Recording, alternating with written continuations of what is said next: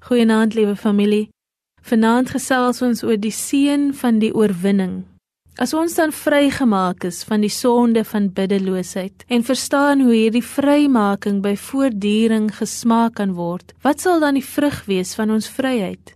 Die een wat die saak in die regte lig sien, sal met vernuide ywer en volharding hierdie vryheid najag Sy of haar lewe en ondervinding sal inderdaad bewys wees dat hy of sy iets van onuitspreeklike waarde ontvang het. Hy of sy sal 'n lewende getuie wees van die seën wat oorwinning meegebring het. Dink net aan die saligheid van onafgebroke gemeenskap met God. Dink aan die vertroue in die Vader wat die plek sal inneem van die verwyd en selfveroordeling wat vroeër ons lewe gekenmerk het. Dink aan die diepe bewustheid dat God se almagtige genade iets in ons teweeggebring het om te bewys dat ons waarlik sy beeld dra en toegerus is vir die lewe van gemeenskap met hom en toeberei is om hom te verheerlik. Dink daaraan hoe ons, nie teenstaande ons besef van ons nietigheid, as ware kinders van 'n koning mag lewe in gemeenskap met hulle Vader en iets mag openbaar van die karakter van ons Here Jesus in die heilige gemeenskap met sy Vader wat hy gehad het toe hy op die aarde was.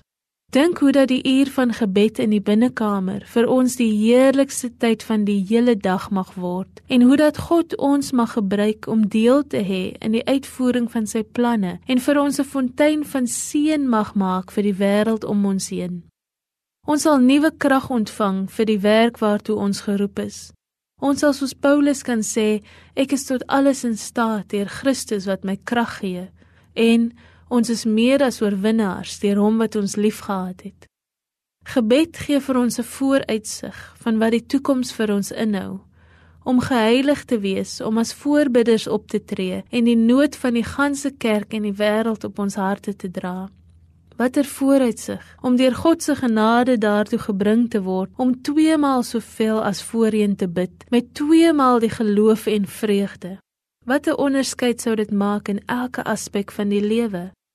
Watter stille krag sou daar uitgestort word in 'n binnekamer, geheilig deur gemeenskap met God en die liefde van Christus? Watter invloed sou daar uitgaan na gelowiges om hulle aan te spoor tot die werk van voorbidding? Hoe kragtig sou hierdie invloed nie in die kerk en onder heidene gevoel word nie. O, as ons maar kon weet wat 'n groot en heerlike God ons het. Amen.